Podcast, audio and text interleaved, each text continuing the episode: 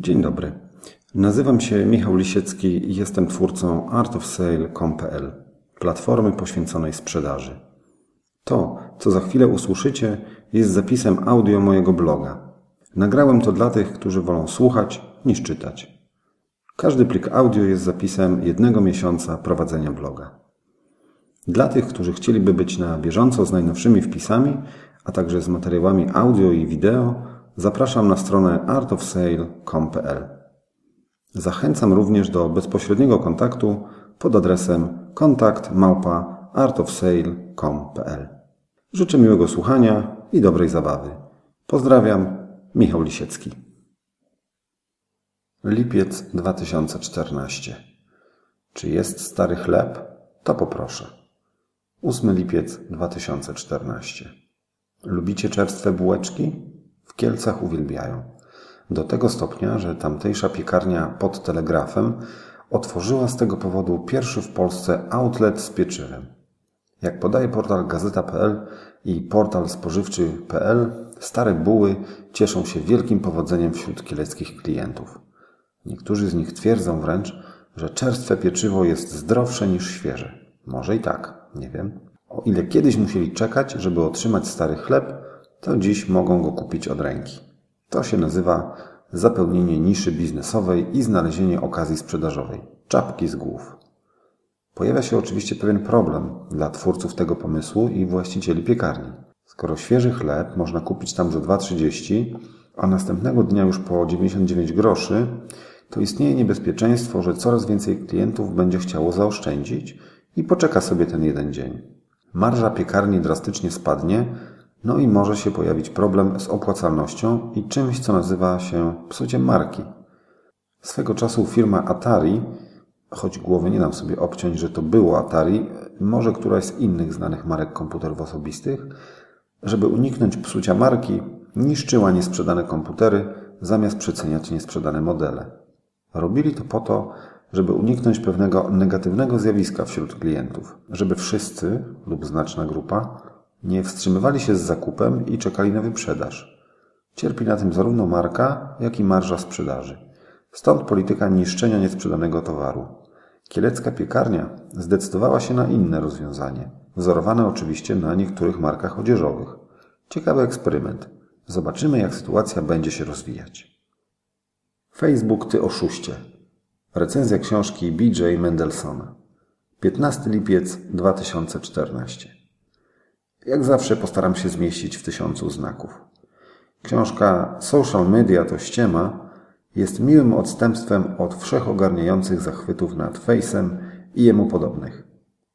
Nie znam innej, która by w równie rzeczowy i bezkompromisowy sposób rozwiewała mit mediów społecznościowych jako taniego narzędzia łatwej sławy i sprzedaży swoich koncepcji i produktów.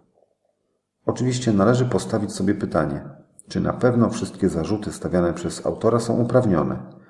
Moim zdaniem nie do końca, choć trudno się z nim w większości kwestii nie zgodzić, bo są poparte przykładami z życia. Na przykład korporacji, która wydała 15 milionów dolarów na kampanię facebookową i nic z tego nie miała. Jeśli ktoś myśli, że dzięki swojemu filmikowi na YouTube stanie się drugim forfiterem, to książka ta zapewni mu bolesne, acz potrzebne otrzeźwienie. Na pocieszenie autor pokazuje, jak sprawić, by internet działał na naszą korzyść dzięki networkingowi i wykorzystaniu wirtualnych mediów, w tym społecznościowych. Polecam. Niedzielny handel, tradycyjny handel. 23 lipiec 2014. Co jakiś czas powraca, głównie w mediach, kwestia handlowania w niedzielę. Podnoszone są argumenty, że ludzie walą do centrów handlowych wprost z kościołów lub wręcz zamiast. Parlamentarzyści usiłują cyklicznie pozamykać wszystkie supermarkety w niedzielę za pomocą specjalnych ustaw. Pomijając fakt, że ludzi traktuje się w ten sposób trochę jak małe dzieci, bo przecież gdyby nie chcieli robić zakupów w niedzielę, to by nie przychodzili do sklepów, prawda? Jak się okazuje, ten pęd ludzi do niedzielnych zakupów ma swoje głębokie uzasadnienie, wywodzące się jeszcze z czasów średniowiecznych.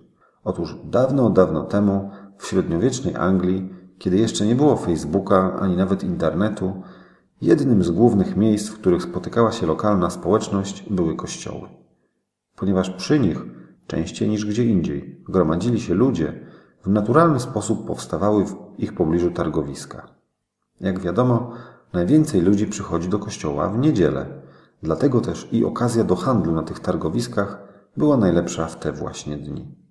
W ten właśnie sposób powstał zwyczaj niedzielnych zakupów, który w naszym kraju przetrwał do dziś. Jeśli komuś się wydaje, że jednak żyjemy w tak nowoczesnych czasach, że przykościelny handel to już przeszłość, proponuję wybrać się do Częstochowy. W okolicach Jasnej Góry natkniemy się na stragany oferujące tzw. Tak dewocjonalia, czyli mydło i powidło nawiązujące w większym lub mniejszym stopniu do religii. Tam właśnie wciąż widać średniowieczną zasadę targowisko przy kościele. Dlatego proponuję jednak nie majstrować przy czymś, co jest naturalnym i wykształconym w ciągu setek lat obyczajem i zostawić wybór niedzielnych zakupów samym klientom. W końcu my, jako sprzedawcy, tylko na tym korzystamy, bo niedzielne utargi z reguły są dużo lepsze niż w inne dni tygodnia. Podziękujmy za to średniowiecznej Anglii. Hieny cmentarne też sprzedają. 26 lipiec 2014. Jeśli jesteś znaną osobą i przytrafi Ci się jakaś przykra sprawa, np. śmierć, pobicie czy pijacki eksces, możesz liczyć, że zawsze znajdą się chętni, gotowi zmonetyzować to zdarzenie. Na stronach znanego sklepu z e-książkami znalazłem wypozycjonowaną na samym szczycie listy książkę Stephena Kinga Pan Mercedes. Oczywiście z napisem bestseller. Oczywiście w promocji.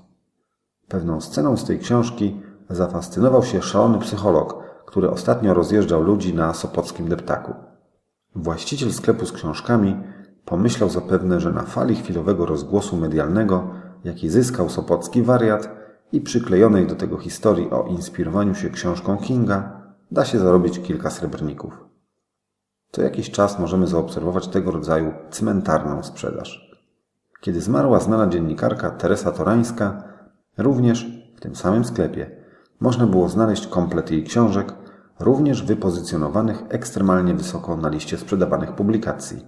Pamiętacie jeszcze historię sprzed lat o zawaleniu się dachu katowickiej hali wystawienniczej pod ciężarem śniegu? Znam ludzi, którzy po tym wydarzeniu poczuli dreszcz emocji z powodu tego, że oto mogą zacząć sprzedawać poradniki dla zarządców nieruchomości na fali strachu wywołanego tą katastrofą budowlaną.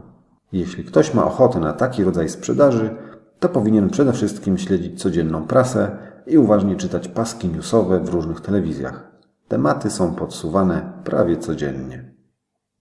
Nigeryjski skam. Dobra nauka sprzedawania. 30 lipiec 2014. Na blogu uxwatch.pl znalazłem bardzo ciekawą analizę, inspirowaną wpisem na fanpage'u Adama Michalskiego – tak zwanego nigeryjskiego skamu. Dla tych, którzy jeszcze jakimś cudem nie zetknęli się z tą formą działalności, objaśniam, że w największym skrócie chodzi o sprzedanie nam pomysłu na zdobycie dużej ilości gotówki lub złota, które utknęło gdzieś w Afryce. Dzięki naszej pomocy jakiś tam bylec wydobędzie cenną zawartość lokalnego konta lub skarbca i odpali nam sporą część bogactwa. Jedyne co musimy zrobić, to przekazać mu drobne kwoty na bieżącą działalność do czasu, aż kontener dolarów lub złotych sztabek będzie w jego rękach. Oczywiście jest to oszustwo i nie tylko nie zobaczymy żadnych afrykańskich pieniędzy, ale dodatkowo stracimy nasze, które przekażemy sprytnemu skamerowi. Sprawa jest szeroko znana na świecie i opisywana już przez wszystkie możliwe media, małe i duże. Tymczasem analiza UXWatch.pl dotyczy czegoś innego. Dlaczego maile, które otrzymujemy od oszustów, są pisane tak niedbałą angielszczyzną lub polszczyzną? I jak to się przekłada na skuteczność pozyskiwania kolejnych naiwnych? Otóż treść i forma oszukańczych wiadomości jest dobrze przemyślana. Ich kulawy język ma skutecznie odsiać ziarno od plew, to znaczy przykuć uwagę tylko i wyłącznie tych, którzy dają największe szanse na bycie zmanipulowanymi. No bo jeżeli ktoś czytając takiego maila, pisanego stylem Kalego, nie zostaje odstraszony od kontynuowania czytania i dodatkowo odpisze coś z kamerowi, to znaczy, że być może jeszcze nie słyszał o nigeryjskim przekręcie. I oszustom jak najbardziej opłaca się inwestować czas i środki w przekonywanie takiej osoby. Jeżeli na tysiąc wysłanych w ten sposób maili odpiszą dwie osoby, to szanse na oszukanie ich szacuje się na 70%. W przypadku, kiedy mail jest napisany bardziej poprawnym stylem, co prawda liczba odpowiedzi wzrasta, ale wzrastają również koszty obsługi, korespondencji z nimi i czas, jaki oszuści muszą im poświęcić. Dodatkowo, osoby, które odpowiadają na tego maila, nie są już tak łatwowierne i być może traktują taką korespondencję wyłącznie jako swego rodzaju rozrywkę, z góry wiedząc, że żadnych pieniędzy nie będą oszustom przesyłać. Szansa na oszukańczy sukces maleje, za to rośnie prawdopodobieństwo przeoczenia osoby, która dałaby się zmanipulować. W skrócie mechanizm działania można opisać tak. Podaję za uxwatch.pl. Mail koślawy. Tysiąc wysłanych maili generuje dwie odpowiedzi. Jedna osoba daje się oszukać, skuteczność 50%. Mail poprawny. Tysiąc wysłanych maili generuje 200 odpowiedzi. Jedna osoba daje się oszukać. Skuteczność 0,5%. Tyle analiza uxwatch.pl. Piszę o tym dlatego, że jeśli ktoś przesłuchał lub obejrzał mój warsztat o wpływie na ludzi, jeśli nie to zachęcam, to na samym początku zadaję tam publiczności pytanie: ile zwierząt z każdego gatunku zabrał Mojżesz na swoją arkę? Każdy, komu przez myśl przejdzie liczba 2, został skutecznie wkręcony, bo przecież arka nie należała do Mojżesza, tylko do Noego, prawda? Jak pokazują badania, jeśli to pytanie jest zapisane na papierze bardzo czytelną czcionką, to tylko 7% badanych zauważa błąd w pytaniu. Kiedy zastosowana czcionka jest nieczytelna i trzeba bardziej skupić się na pytaniu, odsetek ludzi, którzy zauważają błąd, wzrasta do 40%. Podobny mechanizm działa, moim zdaniem, w przypadku nigeryjskiego skamu. Kiedy mail jest koślawy, to bardziej trzeba skupić na nim swoją uwagę i więcej jest osób, które nie dają żadnej odpowiedzi, bo od razu wyczuwają przekręt. Natomiast te, które odpowiedzą, w naturalny sposób zostają przefiltrowane i trafiają do grupy naiwniaków. Praca z nimi jest szybsza i łatwiejsza. W przypadku maila pisanego poprawnym stylem, uwaga czytających jest mniej skupiona i więcej ludzi może odpowiedzieć na takiego maila, ale paradoksalnie mniejsze są szanse na zmanipulowanie kogoś z tej grupy, gdyż po pewnym czasie orientują się oni, że jest to oszustwo. Praca z taką grupą jest bardziej czasochłonna i mniej efektywna. Celem tego wpisu nie jest bynajmniej zachęcanie do tworzenia rodzimych wersji nigeryjskiego skamu, jednak da się to wykorzystać w normalnej sprzedaży. Jeśli tworzymy oferty dla klientów, to oferty proste lub nawet prostackie mogą automatycznie odfiltrować tylko i wyłącznie klientów zainteresowanych naszymi produktami. Oferty skomplikowane, wielostronnicowe i bardzo szczegółowe wcale nie muszą być bardziej skuteczne. Wręcz przeciwnie. Wielu klientów może je odrzucać przez to właśnie, że są tak szczegółowe i po prostu nie chce się im ich czytać. Również maile, które piszemy do klientów, powinny być maksymalnie uproszczone i niezbyt długie. Często spotyka się handlowców, którzy kwiecistą prozą, zgodną z wszelkimi kanonami gramatyki, starają się zachęcić klientów do zakupów i niestety nie mają dobrych wyników. To oczywiście tylko dwa przykłady, jakie możemy wywnioskować z wiedzy o nigeryjskim skamie. W rzeczywistości zastosowanie techniki koślawego maila ma dużo szerszy zakres. Wystarczy się tylko odrobinę zastanowić.